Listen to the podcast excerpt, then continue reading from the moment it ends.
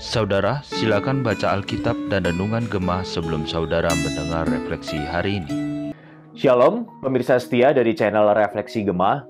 Pada hari ini, tanggal 13 Juli tahun 2023, kita akan kembali bersama-sama membaca, merenungkan, dan merefleksikan bagian firman Tuhan di dalam Alkitab dengan tema Arahkan Mata pada Tuhan.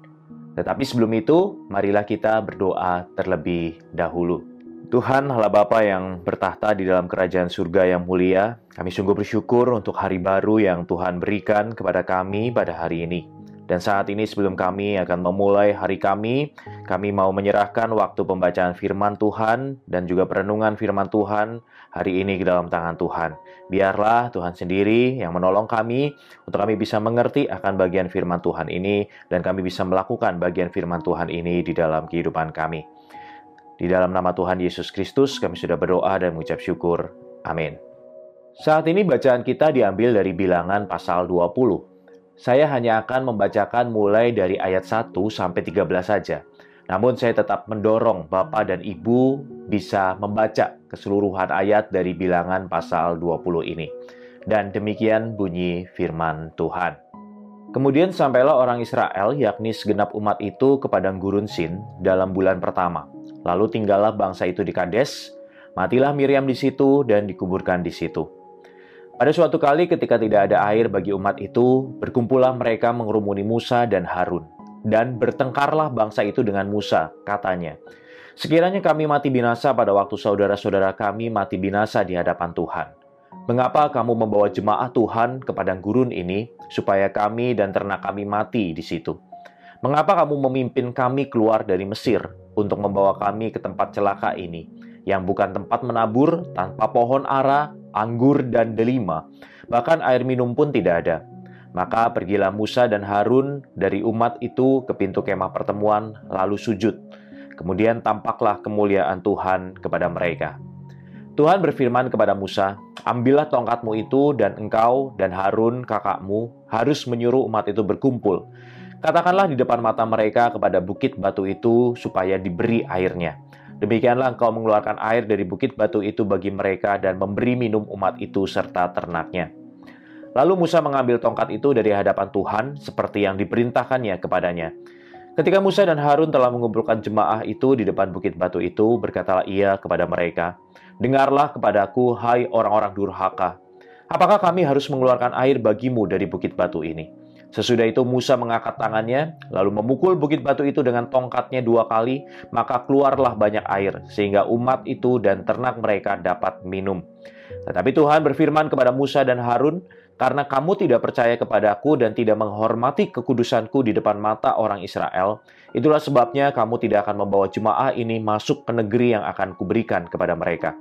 Itulah mata air Meriba, tempat orang Israel bertengkar dengan Tuhan, dan ia menunjukkan kekudusannya di antara mereka. Kecelakaan atau menabrak saat berkendara bukan hanya bisa terjadi ketika kendaraan sedang melaju dengan kecepatan yang tinggi. Bahkan dalam kecepatan yang begitu rendah pun, ketika kita kehilangan konsentrasi, kecelakaan atau tabrakan bisa saja terjadi. Hal ini saya alami sekitar kurang lebih lima tahun yang lalu. Waktu itu kondisi jalanan sedang macet. Saat itu saya cukup konsentrasi dan hati-hati untuk menginjak rem dan gas di mobil saya. Namun ada satu saat ketika saya melepas rem saya karena saya melihat mobil di depan saya melaju, karena saya teringat akan HP saya dan saya mengalihkan sejenak pandangan saya dari jalanan hanya sesaat untuk memastikan apakah HP saya ada di caku celana saya. Dan dalam sepersekian detik itu mendadak duk Mobil saya menabrak bagian belakang dari mobil di depan saya.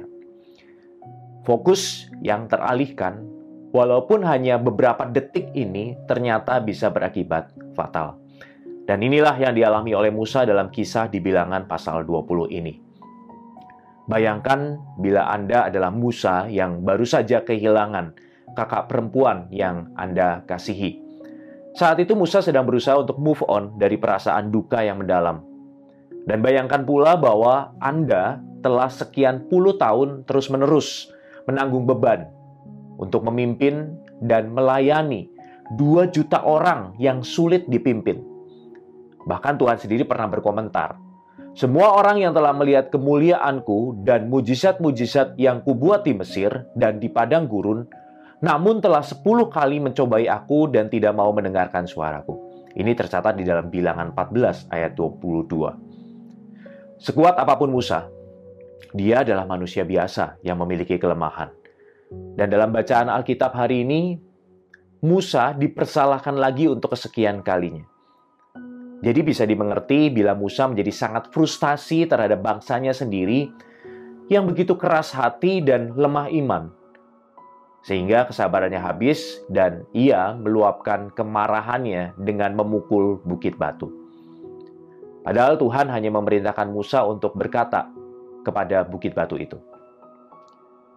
Entah apakah saat itu Musa teringat pada peristiwa saat Tuhan memerintahkan dia untuk memukul, memukul bukit batu di Keluaran pasal 17 ayat 6. Dan jika benar demikian, berarti Musa bersandar pada pengalamannya dan bukan bersandar pada Tuhan. Setiap kali Musa beralih fokus dari Tuhan, dia mengalami sebuah kerugian. Saat pertama kali berusaha membantu bangsanya dengan bertindak sendiri, Musa harus menghabiskan 40 tahun berikutnya di padang belantara untuk mengembalakan domba.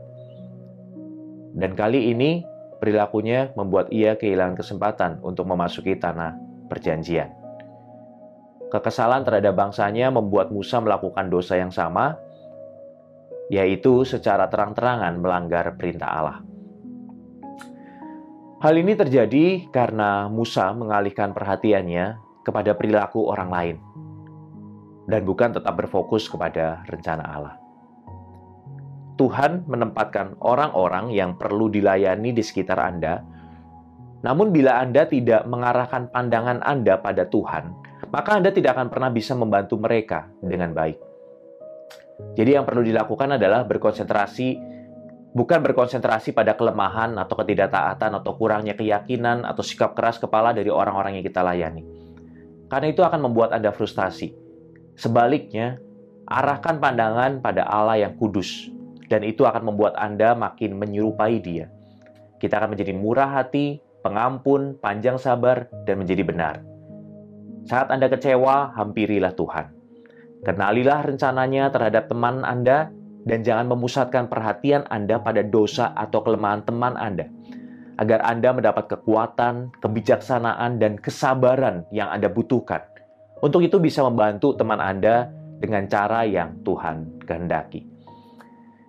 Saat menghadapi masalah, apakah Anda mengarahkan pandangan Anda kepada Tuhan? Kalau Anda mau mengarahkan pandangan Anda kepada Tuhan, maka Tuhan akan terus menolong dan memimpin Anda untuk bisa memecahkan setiap masalah di dalam kehidupan Anda. Amin. Mari kita tundukkan kepala, kita berdoa. Tuhan Allah Bapa kami sungguh bersyukur kalau pada hari ini kami diingatkan akan firman Tuhan untuk kami terus berfokus kepada Tuhan. Khususnya mungkin ketika kami melayani orang-orang di sekitar kami, orang-orang yang sulit, ataupun juga ketika kami menghadapi masalah di sekitar kami. Kami mungkin terlalu berfokus kepada orang yang kami layani atau kepada permasalahan yang sedang kami hadapi. Dan kami lupa untuk berfokus kepada Tuhan. Tapi biarlah Tuhan terus tolong kami, ingatkan kami untuk kami tetap sungguh-sungguh bisa berfokus kepada Tuhan. Supaya ketika kami berfokus kepada Tuhan, kami bisa melihat Tuhan memimpin, menuntun akan hidup kami untuk melalui akan masa-masa yang sulit di dalam kehidupan kami, ataupun kami bisa menjadi berkat bagi orang-orang yang sulit di sekitar kami. Terima kasih untuk firman-Mu, dan kami mau menyerahkan untuk hari ini ke dalam tangan Tuhan. Biarlah Tuhan yang terus pimpin hidup kami, dan hidup kami bisa berfokus kepada Tuhan. Di dalam nama Tuhan Yesus Kristus, kami sudah berdoa dan mengucap syukur. Amin.